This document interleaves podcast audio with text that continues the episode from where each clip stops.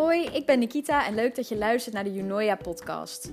Junoia is een Grieks woord dat niet per se letterlijk te vertalen is, maar het betekent ongeveer zoiets als mooie gedachten. Gedachten heb ik enorm veel, zoveel dat mijn hoofd af en toe overloopt. En daarom wil ik ze heel graag met jullie delen. Op het gebied van liefde, carrière, zelfontwikkeling, onzekerheden, maar bijvoorbeeld ook mijn favoriete boeken, series, films. Alles komt voorbij. Dus bij deze, welkom in mijn hoofd en enjoy!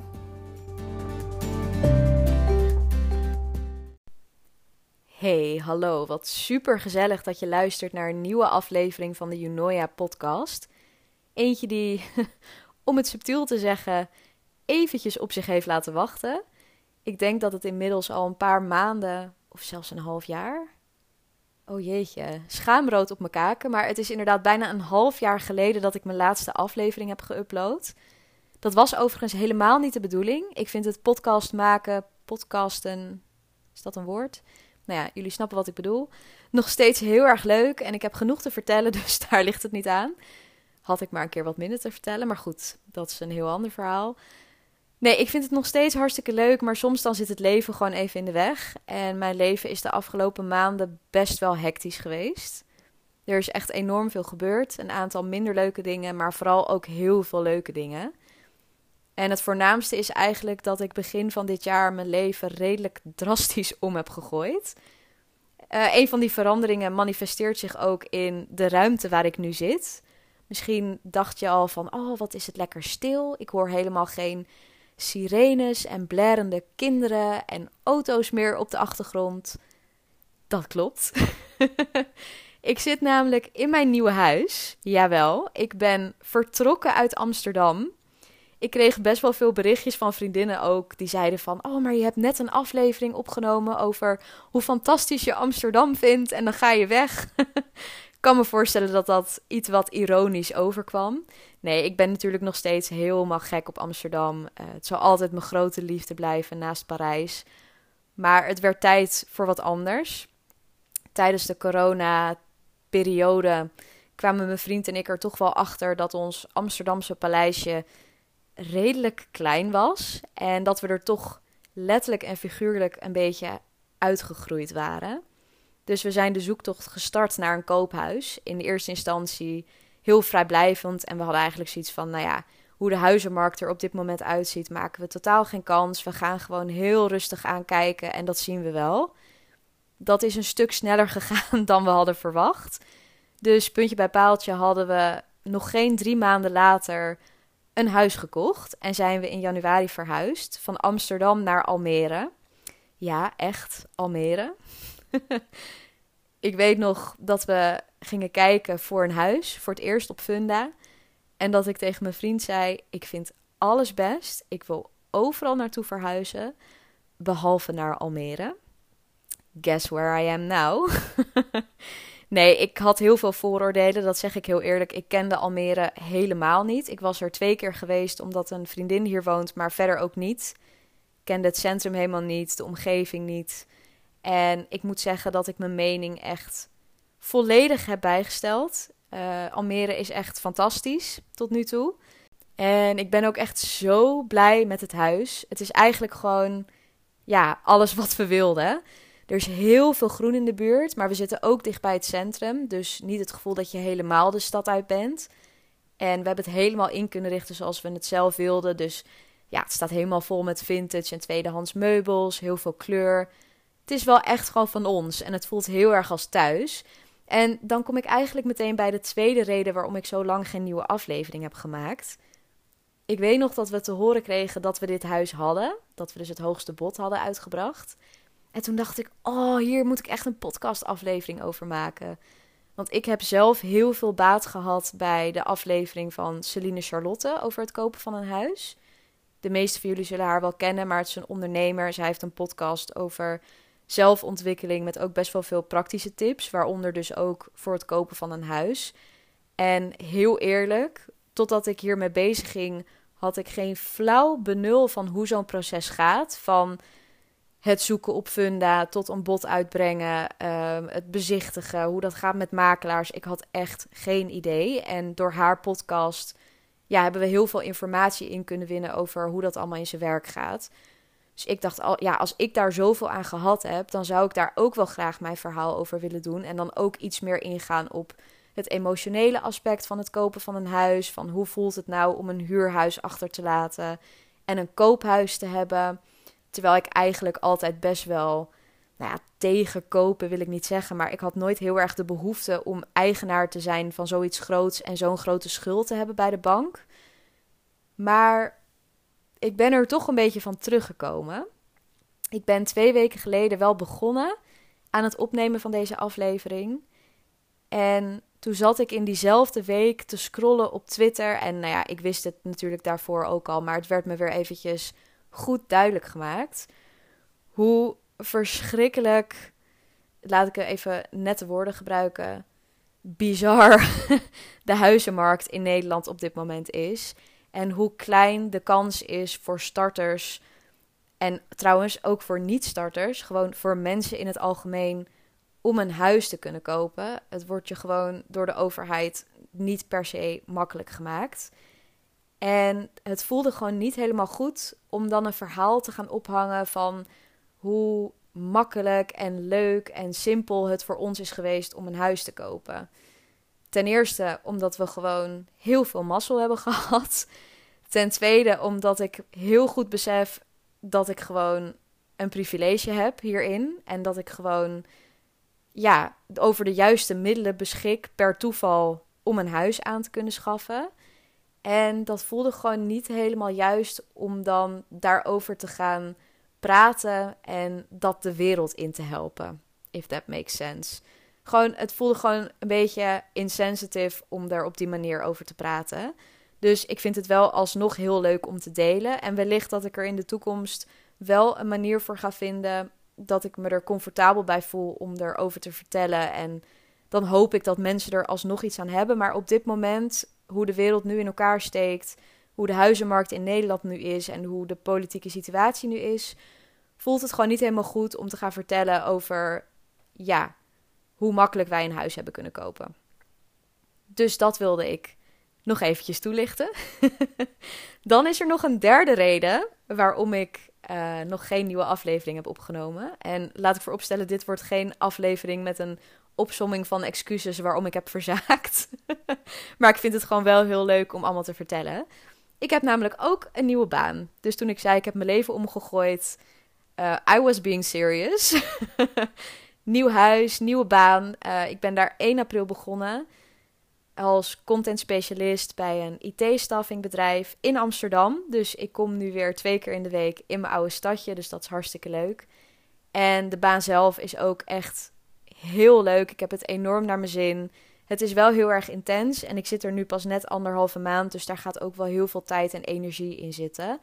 Vandaar dat ik dus ook iets minder tijd had om erover na te denken wat voor nieuwe aflevering op wilde nemen en ja, ik moet ook heel eerlijk zeggen, als je zoveel creativiteit en energie in je werk stopt, dan blijft er privé even niet zoveel meer over. Maar ik heb wel bij mijn nieuwe baan onderhandeld dat ik 36 uur werk in plaats van 40. Kan jullie vertellen, so far de beste keuze van mijn hele leven. Ik ben dus nu om de week op woensdag vrij en ik merk sinds ik dat heb dat de creativiteit dus wel weer langzaam begint te stromen, omdat ik gewoon iets meer ademruimte heb. En vandaar dat ik hier nu zit en wel weer een nieuwe aflevering ga opnemen. En aangezien ik al veel te lang over allerlei randzaken heb gekletst, ga ik nu gewoon over naar het onderwerp van vandaag. Nu ik er zo over nadenk, denk ik dat dit onderwerp eigenlijk juist heel goed aansluit bij het thema veranderingen. Want het heeft in mijn leven echt een hele grote verandering doorgemaakt. Ik heb echt grote stappen gezet. En ik hoop daarom dat ik er ook nu andere mensen mee kan helpen. Want ik kan me gewoon niet voorstellen dat ik de enige ben die zich zo voelt of voelde. En ik denk dat er meer mensen zijn die hier last van hebben dan dat we van elkaar weten. Nou goed, om een lang verhaal kort te maken. Ik wil het heel graag met jullie hebben over rijangst. Rijangst is iets waar een enorm taboe overheen hangt. En waar naar mijn idee heel weinig maar over gepraat wordt. En waar je echt heel veel last van kan hebben. Ik zal maar gewoon bij het begin beginnen. Ik weet nog dat ik 18 werd. Is inmiddels al een hele tijd geleden, maar ik weet het nog wel. En dat ik mijn rijbewijs kreeg voor mijn verjaardag. Besef me, dit is ook weer een enorm privilege. En sowieso is het gewoon een, een big deal. Ik weet nog dat heel veel vrienden en vriendinnen die hadden dan een soort pact met hun ouders van als je voor je achttiende niet rookt of als je je diploma haalt of als je dit en dit doet, dan krijg je je rijbewijs. Het kost natuurlijk enorm veel geld. Dus ja, het was echt wel een groot cadeau. Dus ik was er ook heel dankbaar voor. Maar om nou te zeggen dat ik er heel erg blij mee was, nee, dan zou ik echt liegen. Want ik had wel zoiets van: oh ja, super lief en heel groot cadeau, maar ik hoef eigenlijk niet per se mijn rijbewijs. Ik weet ook dat ik vriendinnen had die echt niet konden wachten totdat ze hun rijbewijs hadden en dan met de auto van hun ouders door het hele land konden cruisen en zelf op vakantie konden gaan. Ik had dat persoonlijk echt helemaal niet. Ik reed wel scooter en dat vond ik echt fantastisch. Dat heb ik ook geen seconde eng gevonden, wat natuurlijk eigenlijk ook best wel raar is. Maar goed, dat vond ik fantastisch en daar was ik hartstikke blij mee. En daarom dacht ik ook, ja, waar, waar heb ik dan een auto voor nodig? In Amsterdam, waar moet ik naartoe? Ik vind het allemaal wel best zo. En er zat dus ergens al iets van onzekerheid of angst dat ik dacht, ik hoef dat niet per se te doen. Het lijkt me niet heel leuk. Dus er, er zat al iets te borrelen zonder dat ik het wist. En ik ben ook echt een dag nadat ik 18 geworden was, ben ik begonnen met mijn autorijlessen. En de eerste paar lessen gingen fantastisch. Het is dus ook niet zo dat als je rijangst hebt, dat je al gillend en huilend voor de eerste keer die auto instapt. Dat kan natuurlijk wel, is voor iedereen anders. Maar bij mij was dat niet het geval. Ik vond het niet per se leuk, maar ik deed het absoluut niet slecht. En ik was die eerste paar lessen ook helemaal niet bang ik weet nog dat mijn rijinstructeur tijdens mijn tweede les geloof ik tegen me zei van... Nou, als het zo doorgaat, dan uh, zijn we over een paar weken klaar. Want je pakt het allemaal zo snel op en het gaat allemaal zo makkelijk. Nou, daar krijg je natuurlijk ook weer zelfvertrouwen van. En ik moet er ook meteen bij zeggen dat ik een fantastische rijinstructeur had. Voor de mensen die in Amsterdam wonen en nog rijlessen nodig hebben... of een keer een opfriscursus willen doen... Ik kan Marco Cruz echt van harte aanbevelen als instructeur... Hij had het echt niet beter kunnen doen. Dus alles wat ik hier vertel over mijn angsten, daar heeft hij echt niks mee te maken. Laten we dat even voorop stellen. Nee, hij was echt super relaxed, super chill. Hij vroeg altijd aan me van, wil je kletsen of wil je juist stilte? Wil je de radio aan of juist niet? Je hoefde bij hem ook nooit andere cursisten op te halen of weg te brengen. Dus de rijlessen aan zich waren echt top.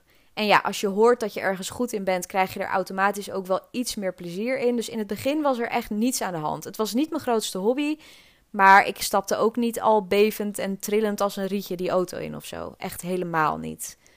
Het moment waarop ik het spannend begon te vinden, was de eerste keer dat ik zelf de snelweg op ging rijden. En dit zal ook voor iedereen met rijangst anders zijn. Iedereen heeft natuurlijk specifieke angsten. Je kan natuurlijk de specifieke angst hebben dat je moet inparkeren of dat je een ongeluk veroorzaakt of juist dat je andere weggebruikers niet vertrouwt en dat je heel erg bang bent dat ze jou in gevaar brengen. Dat zijn natuurlijk allemaal uh, dingen die voor kunnen komen. Bij mij was er geen specifieke angst, maar meer het idee van als ik op de snelweg ben, dan ga ik heel hard en als er dan iets gebeurt, dan wel iets wat ik verkeerd doe, dan wel iets wat iemand anders verkeerd doet, dan wel de weersomstandigheden. Dan kan je geen kant op. Je kan niet even remmen. Als jij 120 rijdt, dan is er geen mogelijkheid om uit te wijken. En dat idee is een beetje zich gaan planten in mijn hersenen. En dat is zich heel langzaam gaan ontwikkelen van een klein insectje tot een enorm Godzilla-achtig monster. en tijdens mijn rijlessen kon ik dat insectje dus nog wel bedwingen. Ik vond het wel heel spannend en daarin heb ik ook dus heel veel hulp gehad van mijn rijinstructeur. Uiteindelijk heb ik ook een faalangst rijexamen gedaan, omdat ik het dus allemaal zo spannend vond. Het is gewoon een normaal rijexamen. Ik heb gewoon een geldig rijbewijs. Het verschil is eigenlijk dat het net iets relaxter allemaal is. Dus ze nemen net even wat meer tijd voor je. En je hebt voor je examen ook een langer gesprek. Waarin ze je dan echt op je gemak gaan stellen. En nou ja, een beetje net als wat mijn rijinstructeur tijdens de lessen al deed. Echt aan je vragen van. Wat vind je fijn? Wil je juist kletsen of wil je complete stilte? Hoe wil je dat we je de aanwijzingen geven? En ja, dat heeft mij echt enorm geholpen. Dus dat is ook meteen mijn eerste tip. Mocht je iemand zijn die nog examen moet doen en je hebt last van faalangst of rijangst, doe zo'n faalangstexamen. Het kost geloof ik ietsje extra, maar ja, het zorgt er wel voor dat je gewoon in één keer je examen kan halen. Het is mij ook gelukt. Het enige wat bij mij daarna mis is gegaan, is dat ik als een soort struisvogel met mijn kop in het zand ben gaan staan. En jarenlang het autorijden ontweken heb. Nou, en ik denk dat elke, nou niet alleen rijinstructeur, maar iedereen die auto rijdt, tegen je zal zeggen: zodra je examen hebt gedaan, ga ervaring opdoen. Ga de weg op, ga rijden. Nou, ik dacht, ik heb examen gedaan. Ik hoef, thank God, niet meer elke week in die auto te stappen. Ik vind best. En dat is natuurlijk eigenlijk echt het domste wat je kan doen. Want je verleert het niet, maar je krijgt geen feeling met de auto en met het autorijden. En ik zat natuurlijk ook wel in een soort ja, luxe positie waarin ik nog thuis woonde in Amsterdam. Uh, mijn toenmalige vriend en vrijwel al mijn vriendinnen woonden in de stad. Dus ik had ook niet per se iets om met de auto naartoe te gaan. Dus het was voor mij ook niet echt een must om heel veel auto te rijden. Maar goed, dat was heel erg korte termijn denken. Want ik heb er totaal niet over nagedacht dat ik wellicht tien jaar na dato in Almere zou gaan wonen. Maar goed, ik uh, was de struisvogelpolitiek aan het toepassen en ik dacht, joh, ik hoef nergens heen met de auto. Als we ergens heen gingen met de auto, mijn toenmalige vriend was precies even oud, die had ook zijn rijbewijs al, liet ik hem gewoon rijden, want hij vond het superleuk. Een paar jaar later had mijn broertje ook zijn rijbewijs. Mijn vader heeft een rijbewijs, mijn moeder heeft een rijbewijs. Dus ik kon er altijd wel onderuit komen en ik had altijd wel een smoesje. En nou ja, zoals jullie weten ben ik toen op een gegeven moment voor twee jaar naar Frankrijk verhuisd. Nou, daar was al helemaal geen mogelijkheid om auto te rijden. Ik deed daar alles met het OV en ik kende ook vrijwel niemand daar met een auto. Dus toen heb ik twee jaar lang echt helemaal niet gereden. En toen kwam ik terug naar Nederland. En ik denk ongeveer half jaar, drie kwart jaar later, leerde ik mijn vriend kennen. En die werkt bij een autoverhuurbedrijf. en die is een enorme autoliefhebber. En daar veranderde wel even wat. Want hij vindt het ook heerlijk om auto te rijden. Hij rijdt ook heel veel voor zijn werk. We ondernemen best wel veel buiten coronatijd om. Dus we gaan heel vaak spontaan roadtrippen en dan wandelen met de hond in Friesland. Of spontaan een weekend naar vrienden in Gent. Of naar Parijs, weet ik veel wat. En hij rijdt dan meestal. Vooral omdat hij het gewoon heel erg leuk vindt en het onderdeel is van zijn werk. Alleen, het is natuurlijk niet realistisch om te denken dat één iemand altijd alle ritjes kan doen. Hij kan ook een keer ziek zijn, hoofdpijn hebben, gedronken hebben. Dus toen we een paar maanden samen was, begon hij samen was, samen waren. ik word nu alweer helemaal zenuwachtig. Nee, toen begon hij op een gegeven moment van, uh, joh, wil jij niet eens een keertje rijden? En ik, die altijd mijn smoesjes paraat had, ja, op een gegeven moment zijn je smoesjes natuurlijk ook wel een beetje op. Zei van, nou ja, hmm, ik weet niet. Nou, en na veel horten en stoten kwam het er eindelijk uit dat ik het toch wel een beetje spannend vond. En het gekke was dat het helemaal niet een heel groot ding was in mijn hoofd. Tenminste, die Godzilla zat wel in mijn hoofd, maar ik had het me nooit echt beseft. Ik had nooit echt met een vriendin op de bank gezeten en gezegd: Weet je, ik moet wat bekennen, ik heb rijangst. Ik had het altijd zo subtiel en handig weten te ontwijken dat ik zelf ook niet door had dat het zo'n grote angst was.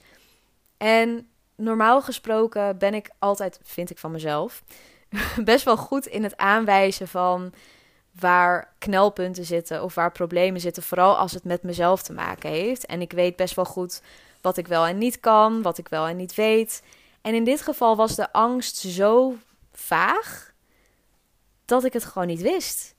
zoals ik net al zei, het was niet per se dat ik voor één ding bang was. Dat ik bang was om zijn auto te beschadigen of dat ik bang was om in een ongeluk terecht te komen. Het was gewoon het autorijden zelf dat me heel erg ongemakkelijk maakte. En ik had het daar met hem over en toen zei hij van ja, dat klinkt best wel gek, want normaal gesproken hebben mensen juist angst als ze de controle op moeten geven. En als jij in de auto zit, dan heb jij volledige controle over de auto. Je hebt je rijbewijs, je weet hoe alles werkt en mocht er iets zijn waarvan je het niet weet, dan kan je het altijd aan mij vragen. Maar je hebt 100% de controle over de auto. Het is geen zelfstandige robot die zelf keuzes gaat maken. Nog niet, in ieder geval. En toen hij dat zei, dacht ik, ja, daar zit ook echt wel wat in. En toen ben ik in eerste instantie heel erg bij mezelf te raden gegaan van wat is dit nou precies? Waar ben ik nou precies bang voor? Dat is ook meteen de tweede concrete tip die ik mee wil geven. Praat erover. Ik weet dat het heel cliché klinkt, maar het kan zo erg helpen.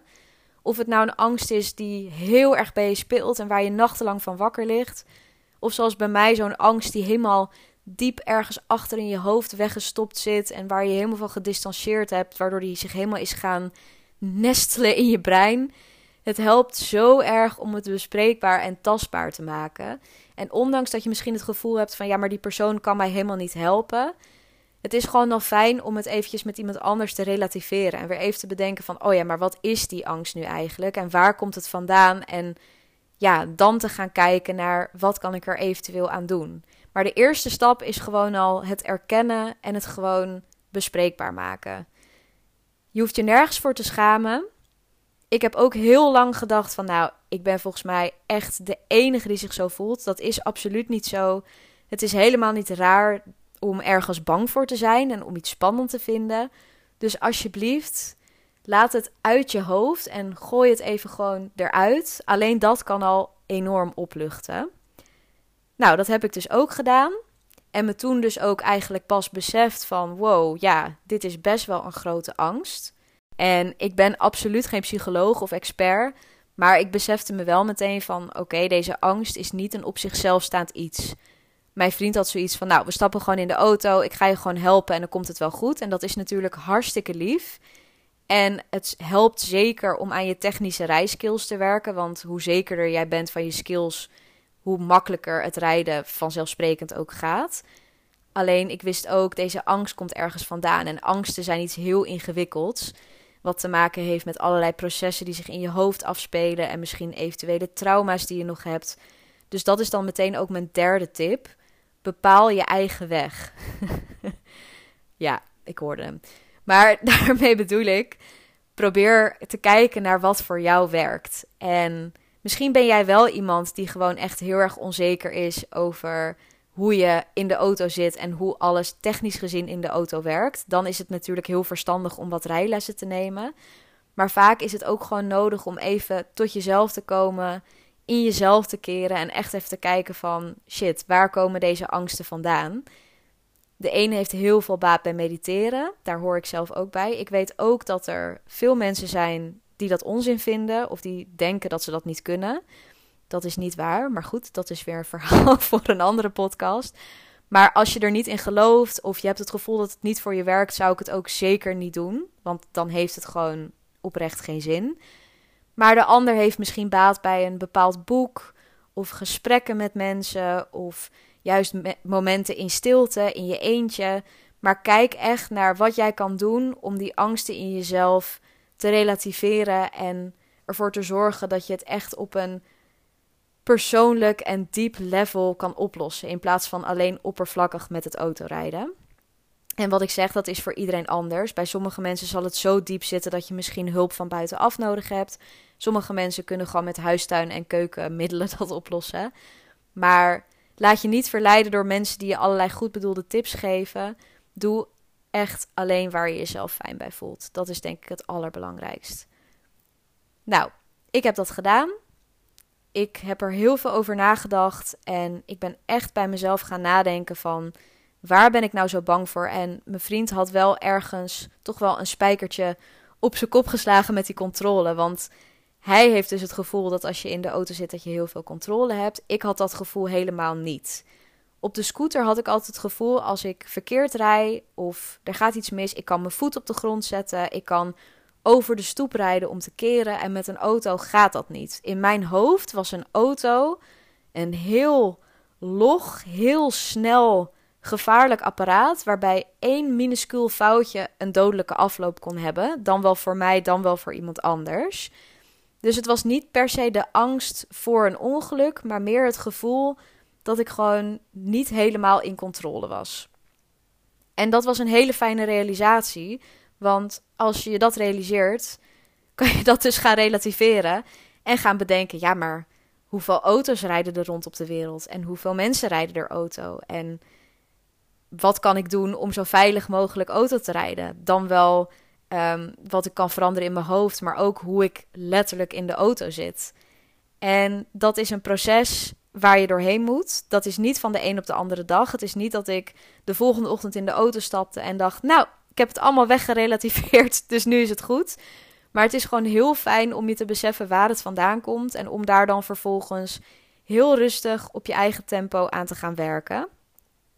Hoe ik dat gedaan heb is, ik heb eerst heel goed meegekeken met andere mensen die auto reden. Dus hoe zij zaten. Van de simpelste dingen tot hoe ze hun spiegels en stoel afstelden. Tot um, hun remweg bij een stoplicht. Of hoe ze met bepaalde situaties omgingen. En daarnaast ben ik er ook gewoon met mensen over gaan praten. Daar zit ook dan weer die erkenning. Ik heb gewoon heel veel gepraat. Met mijn vriend ook, maar ook met vriendinnen. En uiteindelijk ben ik heel langzaam maar zeker zelf ook in de auto gaan stappen. Heel lang met iemand ernaast. Ik heb uh, er best wel lang over gedaan om in mijn eentje in de auto te kunnen zitten. Ik moet zeggen, dat is eigenlijk pas sinds een paar weken, misschien twee, drie maanden, dat ik dat echt comfortabel doe. Maar dat is prima. Allemaal op, op je eigen tempo. Alles heeft zijn plek, alles heeft zijn tijd. Dus eerst gewoon met iemand ernaast. En dan kon ik gewoon in situaties waar ik me angstig voelde, vragen van oké, wat kan ik nu doen?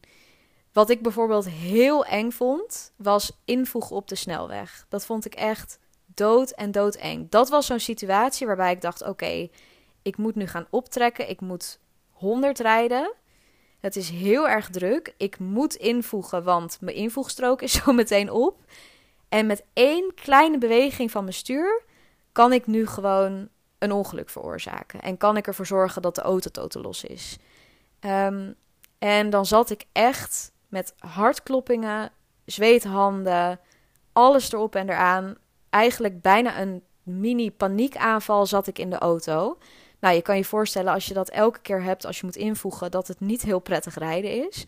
Maar daarom vond ik het heel erg fijn om iemand naast me te hebben, waaraan ik dan kon vragen van, wil je even met me meekijken? Wanneer is het beste moment om in te voegen? Rijd ik hard genoeg of rijd ik te hard? En dat heb ik eigenlijk gewoon heel lang gedaan. Tot op het moment waarop ik dacht, nou, nu voel ik me wel klaar om in mijn eentje te rijden. Nou, dat zeg ik nu trouwens heel stoer. Maar daar moet ik eigenlijk credit voor geven aan mijn vriend. Die op een gegeven moment gewoon zei: Lief schat, je kan het gewoon. Ga het gewoon doen. En dat vond ik niet altijd leuk, want ik heb in het begin ook best wel het gevoel gehad dat hij me gepusht heeft. En als ik iets niet fijn vind, is het als mensen me gaan dwingen om dingen te doen die ik niet fijn vind. En dat was dan ook mijn excuus. Dan zei ik van ja, maar ik moet van jou dingen doen die ik niet wil. En uh, terwijl dat was juist het laatste duwtje wat ik nodig had. Laat me vooropstellen, je moet natuurlijk nooit iets doen waar je zelf geen zin in hebt. Maar soms heb je gewoon net even dat laatste duwtje nodig al is het maar voor je eigen zelfverzekerdheid om te weten van je kan dit. En dat was ook wat hij zei. Hij zei niet je moet van mij autorijden, want dat vind jij zo stom. Hahaha, ha, ha, kijk mij eens gemeen zijn. Maar meer jij kan dit gewoon. We hebben dit geoefend. Weet je, je hebt het hele proces doorlopen. Het gaat hartstikke goed. En mocht er iets misgaan, dan is er ook geen man overboord. Want het komt, het komt altijd wel goed. Wat er ook gebeurt, het komt altijd goed. En dat was uiteindelijk, hoe irritant ik het op dat moment ook vond, het laatste duwtje wat ik nodig had. Dus ik ben begonnen om mijn wekelijkse hardloopafspraak met mijn moeder alleen te doen. Als in, we gaan altijd in Amstelveen in het Amsterdamse bos hardlopen. Nou, ben ik begonnen om daar alleen heen te rijden. Nou, vanuit Amsterdam is dat, nou, kwartiertje, 20 minuten. Is echt een stukje van niks. En had ik twee keuzes. Ik kon binnendoor rijden of ik kon over de snelweg. Nou, jullie kunnen het al raden. De eerste tien keer ben ik uiteraard binnendoor gereden omdat ik de snelweg te eng vond. En op een gegeven moment ging het eigenlijk ook vanzelf dat ik dacht, ja, ik pak gewoon de snelweg. Ja, dat is zonder nadenken uiteindelijk gewoon eruit voortgevloeid dat ik steeds zelfverzekerder werd en steeds meer dacht van ja, ik rijd de auto en de auto rijdt niet mij. ik heb gewoon de controle hierover. Nou, fast forward, we wonen inmiddels in Almere. Het station is hier niet heel ver vandaan, maar ook niet zo dichtbij dat je denkt van nou, daar ga ik eventjes uh, lopend naartoe. Het is toch wel 20, 25 minuten. En nu ga ik eigenlijk minstens één à twee keer in de week met de auto alleen op pad. Ik ben laatst voor het eerst alleen naar een afspraak met vriendinnen in Amsterdam geweest. S'avonds en in de regen. Dat vond ik ook heel spannend, want autorijden is voor mij ook best wel vermoeiend. Dat is ook een van de redenen waarom ik het best wel spannend vind. Ik weet niet of mensen dit herkennen, maar ik heb sowieso niet hele goede ogen. Dus ik moet altijd een bril op in de auto. Maar zelfs als ik mijn bril op heb, merk ik gewoon na een tijdje dat ik echt heel veel moeite moet doen om mijn beeld scherp te houden. En ik dacht eerst dat dat kwam doordat ik ook gewoon best wel angstig was. Maar zelfs nu ik een heel stuk relaxter en ontspannender ben, merk ik gewoon ja, dat het best wel veel energie kost. En als het dan ook nog eens donker is en regent, dan kost het natuurlijk nog meer moeite om een goed duidelijk beeld te houden. Dus dat vond ik best wel spannend. Maar het is allemaal hartstikke goed gegaan. En het gevoel wat je krijgt als je dan de overwinning behaalt en in je eentje in de auto stapt en de vrijheid die je ervan krijgt, ja, dat is gewoon zoveel waard. En ja, ik kan me eigenlijk niet eens meer voorstellen waarom ik nou eigenlijk zo bang was. Dus mijn allerlaatste tip is eigenlijk: geloof in jezelf. En als je moeite hebt om 100% in jezelf te geloven, zoek een rijangst buddy die je hierin kan ondersteunen en je misschien dat laatste irritante duwtje in de rug kan geven. Want het kan net het laatste zijn wat je nodig hebt om uh, een glorieuze toekomst tegemoet te gaan als uh, echte autobestuurder. Nou, ik hoop in ieder geval dat ik het onderwerp voor de mensen die hier last van hebben, in ieder geval iets meer bespreekbaar heb kunnen maken. Mocht je nu in de auto zitten en jezelf hier volledig in herkennen, vergeet dan vooral niet om heel diep in en uit te ademen. Niet zo hard in het stuur te knijpen. Het komt echt helemaal goed. Als ik het kan overwinnen, kan jij het ook. Mocht je niet in de auto zitten en wel denken: oh, hier heb ik ook heel erg last van, of heb je juist hele goede tips, stuur me dan vooral even een DM op Instagram, @meerjunoya.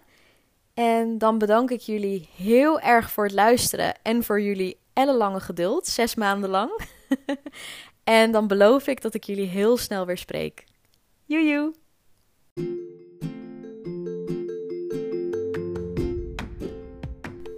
Dit was hem dan alweer. Heel erg bedankt voor het luisteren naar de Junoya podcast. Ken je iemand die deze aflevering echt moet horen? Dan mag je hem zeker even doorsturen. Kun je zelf nou niet wachten op de volgende aflevering? Vergeet je dan vooral niet te abonneren en me te volgen op Instagram op @meerjunoya.